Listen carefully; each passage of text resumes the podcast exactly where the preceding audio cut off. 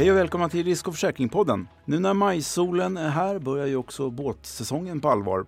Det första pandemiåret 2020 visade sig bli ett rekordår för antalet fritidsbåtsägare och det verkar hålla i sig. Det betyder chans till fler försäkringspremier in till försäkringsföretagen men kanske också högre skadekostnader i och med att det är fler ovana båtägare ute och glider i våra svenska vatten. Det är cirka ett dussin svenska försäkringsföretag som erbjuder försäkring för fritidsbåt. Ett av dessa försäkringsföretag är Svedea och till denna podd har jag bjudit in Göran Södergren som är affärsansvarig för båt och vattenskoter på detta bolag. Jag tänkte att vi kunde byta några ord om försäkringsmarknaden för fritidsbåtar i stort och hur Svedea arbetar för att förbättra båtlivet med sina tjänster. Därför hälsar jag Göran välkommen till Risk och försäkringspodden. Tack så mycket.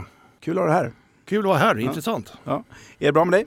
Det är alldeles utmärkt. Det låter bra det. Är det så att ni på Svedea i er försäkringsverksamhet har märkt av att det, att det var fler som skaffade fritidsbåt i samband med pandemin när, ni, när vi inte kunde resa utomlands i lika stor utsträckning?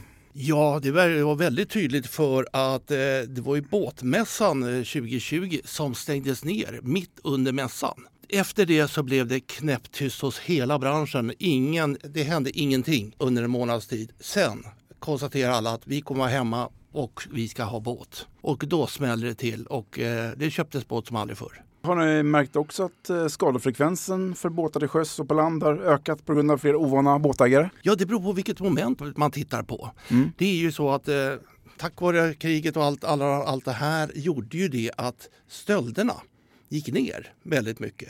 Samtidigt gick sjöskadorna upp väldigt mycket från väldigt mycket okunniga människor där ute som de gick på grund på allt, allt de kunde hitta kändes det som ett tag. Snedseglarna kom tillbaks? Jajamensan. Ja. Annars vilken typ av skada skulle du säga är den vanligaste skadan som täcks av er fritidsbåtförsäkring?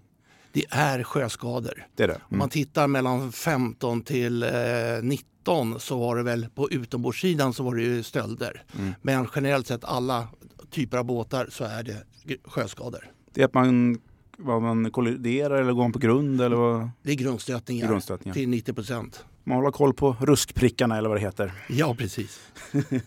Vilka olika båtförsäkringsprodukter erbjuder ni till era kunder?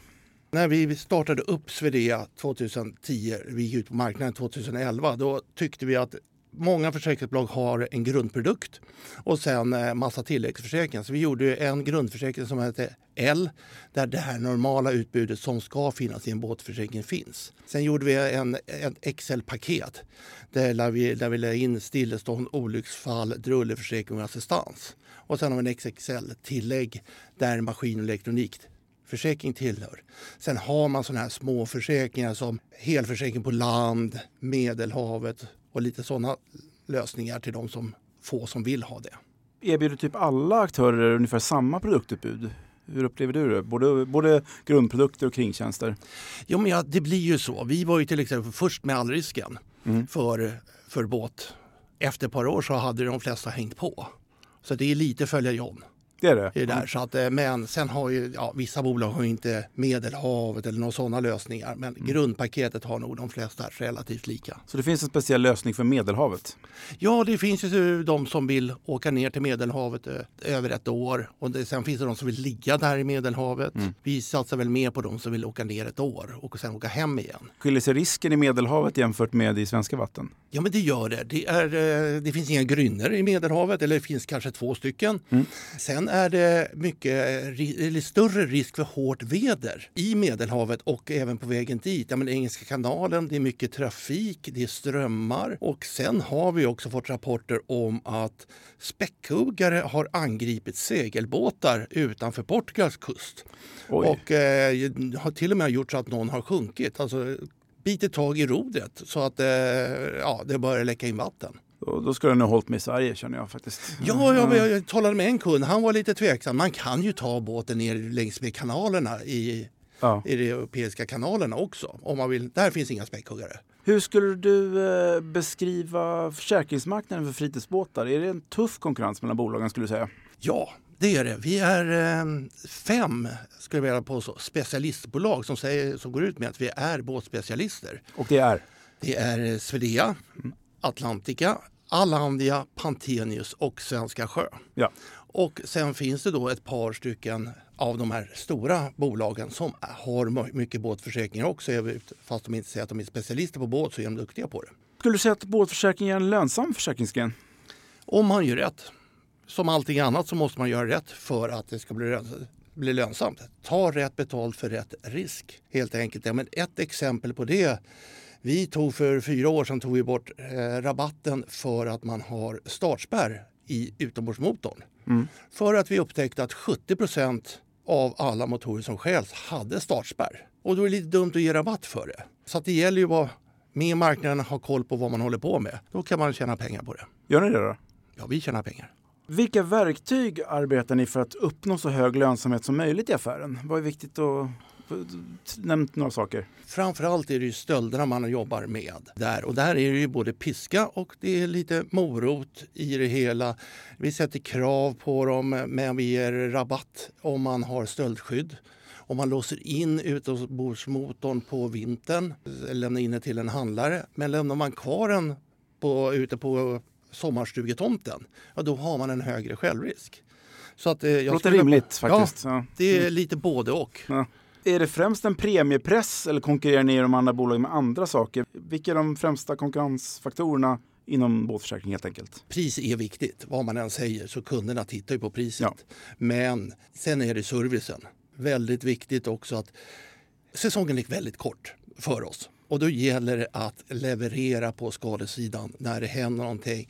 Om ett varv skickar en kostnadskalkyl och, till, och vi svarar på den efter en eller två dagar och ett annat försäkringsbolag svarar på två veckor.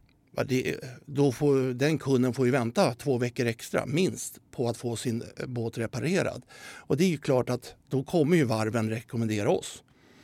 För mm. de vill ju också ha snurr och inte ha stå, båtar stående medan de väntar på en offert. Så det är mycket servicen på skadesidan också. Ni på Swedea, liksom flera andra aktörer, erbjuder ju andra försäkringar förutom båtförsäkringar. Får helkunder hos Swedea premierabatt på båtförsäkring hos er? Nej, inte i dagsläget. Vi tittar på det och ser hur vi kan, eh, om vi kan hitta någon bra lösning eh, på det hela. Men vi tycker att det är viktigt att kund väljer oss för vår kompetens inom båt, mc, snöskoter att, vi, att de förstår att vi är specialisterna på de områdena. Om man pratar om distributionskanaler för era båtförsäkringar, hur säljer ni dem? Vilken kanal? Sedan dag ett har båthandeln varit vår största kanal. Så vi jobbar väldigt eh, tätt med alla, eller de flesta båthandlarna. Så att när de säljer en båt så säljer de även en försäkring. Så det är den största kanalen. Sen har vi ju självklart alla andra kanaler också. Eh, ni har ju flera märkers försäkringsavtal. Eh, hur viktiga är de för er och eh, är konkurrensen stor här inom märkesförsäkring? Om man tittar till riktiga eh, märkesförsäkringar, det vill säga där man har en eh, överenskommelse med generalagenten som man inte bara har en försäkring för dig med en Yamaha eller så att säga, man har inget samarbete, då är konkurrensen inte så stor. Vi väl vi och ett bolag till som jobbar med dem. Och det är? Atlantica. Ja. Men just nu har vi 16 stycken så vi känns som att vi har flest. Ja, det låter många. Ja. Ja. Vad är det för procent av totalen då, ungefär? Bra fråga. Jag har mm. faktiskt inte någon siffra Nej, på det. Jag ska jag inte hålla på och dra räkneexempel här. Nej. Eh, stölder är ju något som drabbar främst eh, båtägare men såklart även er som försäkringsbolag.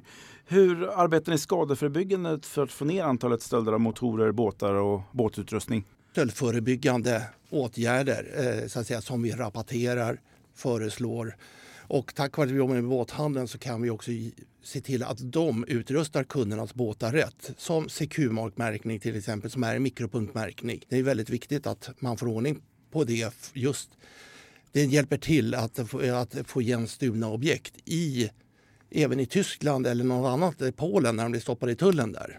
Vad är mikropunktmärkning för någonting? Det är små eh, mikropunkter som man sprutar över en hel motor. Mm. Och så kan man pilla bort en lite grann, titta i ett förstoringsglas och är ett nummer där. Och är det numret med på polisanmälan så kan polisen hitta rätt ägare via en sms-tjänst. Man lär sig något nytt varje dag. Mm. Under 2022 så minskar ju stölderna av båtmotorer med 25 procent jämfört med året innan. Vad är det som tror ligger bakom den här minskningen? Kriget Eh, framför allt för att vi vet att mycket av motorerna har gått eh, till eh, Ryssland eh, och gått österut. Mm. Och samtidigt har ju de inte, tack vare pandemin, har inte rörligheten har ju minskat också så de har inte kunnat komma hit och stjäla. Sen har polisen och Kustbevakningen gjort ett, eh, börjar bli bättre på sitt jobb. Men vi saknar ju fortfarande lagstiftning. Så att eh, vi, vi behöver ju få en, en annan lagstiftning. Tullverket för eh, regleringsbrev som talar om vad de ska göra från, från regeringen. Det behöver ändras så att de jobbar mer med utförsel än inte bara införsel. Det är väl lite sånt på gång nu om jag inte är helt opåläst. Det hoppas jag verkligen ja. för att vi har eh, tjatat om det här i ett antal år. Ja. Jag tror det är lite mer på G än tidigare. Ni genomför ju också något ni kallar för båtlivsundersökningen vilket eh, hjälper er på Swedea att förbättra er produkter och er service. Kan du berätta lite om den? Vi skickar ut ungefärligen 50 frågor till våra försäkringstagare varje år och vi har någonstans mellan 20 och 27 procent svar på det så vi får väldigt eh, bra svarsfrekvens. Och där ställer vi frågor om ja, vem som för framför båten, var de bor, hur ofta de använder den. Vi lägger även till frågor som branschen har, vad de tycker om båtbranschen, vad de saknar med vårt utbud. Så att eh, det är alla möjliga frågor. Men eh, väldigt tacksamma över att våra kunder vill svara i den, så stor utsträckning. Kan du ge något exempel på hur den här undersökningen har bidragit till att förbättra era produkter och er service? Allrisken till exempel. Där ställer vi frågor om de eh, kunderna kände ett behov av en allrisk innan vi eh, la till den i, i och fick positivt svar på det och då la vi till den. Så vi kan ju också testa lite grann. Är det här någonting som kunderna vill ha? Men vi ska också erkänna att ibland så kommer det så här, upptäcker vi ju att ja, varför har ni inte e-faktura som ett svar från flera stycken? Och det har vi haft i flera år och då kanske vi måste titta på över vår kommunikation. Så det är även där den hjälper oss. Sen 2015 delar ju ni på Swedea ut båtstipendiet som ett initiativ för att uppmuntra fler kvinnor att ta plats bakom rodret på båtar. Eh, kan du inte berätta lite mer om hur det fungerar och varför ni såg ett behov av det här stipendiet? Det är båtlivsundersökningen som eh, visade vägen. I den fick vi svar på att det var 95 procent av alla båtar framfördes av män. Och då eh, såg vi att varför är det bara 5 procent tjejer som kör båt? Och då ställde vi oss frågan varför. Det, vi tycker att det är enklare att köra båt än att slänga i ett ankar eller dra upp ett 10 kilos ankar eller hoppa land på hala klippor. Sen har vi utnyttjandegraden av båten. Eh, om mannen åker iväg på golfweekend eh, så ska kvinnan kunna köra båt ta ut sina tjejpolare, ungarna. Det är bättre utnyttjande av båten. Och det egentligen går till så att vi någon gång under hösten så ställer vi en fråga eller går vi ut med ansökningar och vi får in någonstans cirka 700 svar. Och sen eh, försöker då vi då välja ut vilka som har viljan att lära sig. Vi tycker att det viktigaste är att de har viljan att lära sig, eh, viljan att köra båt. Då får de, ska de försöka motivera varför de ska ha det? Då. Ja, precis. De får motivera varför.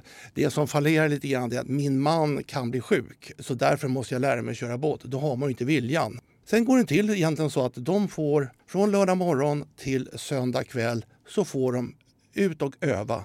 Lägga till på alla möjliga sätt, ta vågor, hur man, ja, allt som har med framförande av båt. För det är oftast det som det handlar om, det är osäkerheten att köra båt. Framförallt när det är mycket andra båtar. För att köra båt är relativt enkelt jämfört med till exempel bil.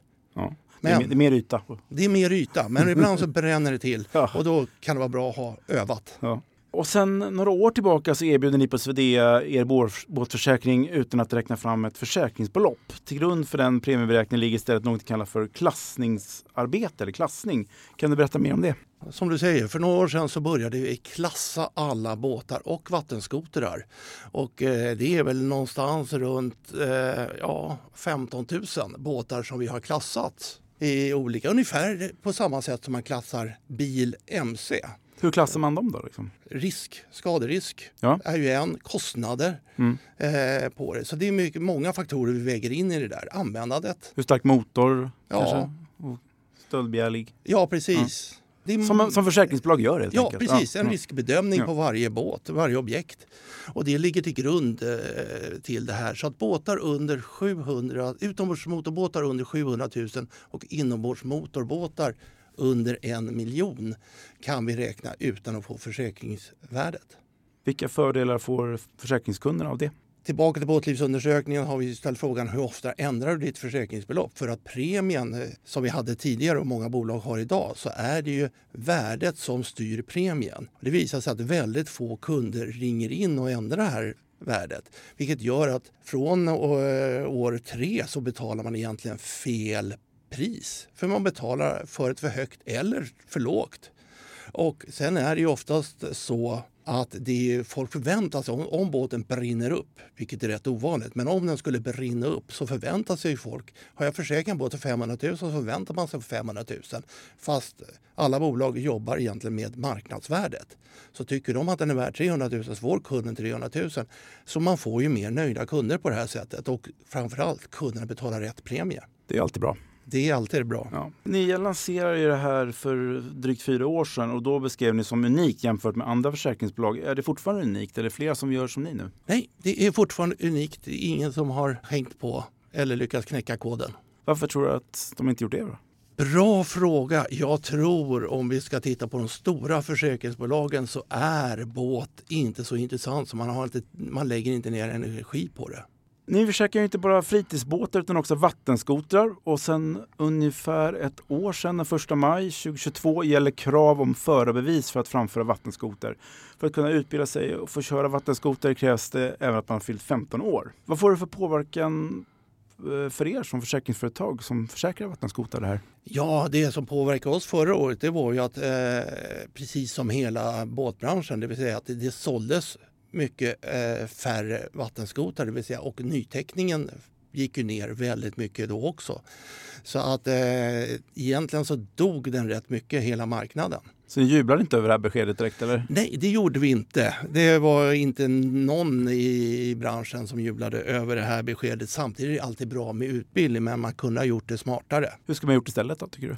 När man har diskuterat båtkörkort och sånt har man ju diskuterat någon sån farfallsregel. Där vi säger att det finns en i varje båtklubb som kan, som kan kunna intyga att den här personen kan köra båt. Eller olika människor som kan intyga det. Vilket gör att många som kan behöver ju inte ta det här eh, körkortet. Men tror du inte att skador eh, som orsakas av vattenskoter minskar när det finns krav på förbevis om man tittar på skadesidan? Jo, det gör det säkerligen. Eh, vi har inte haft problem på skadesidan med vattenskoter. Eh, det har alltid varit en rätt bra affär, skulle jag vilja påstå. Det, egentligen så är det ju och det blir ju gärna så att när någon blir överkörd, vilket tyvärr har varit fallet, så blir det mitt i sommaren. Då blir det eh, rätt stor grej av det i tidningarna och det är sånt som gör det. Och sen har det varit problem i vissa områden.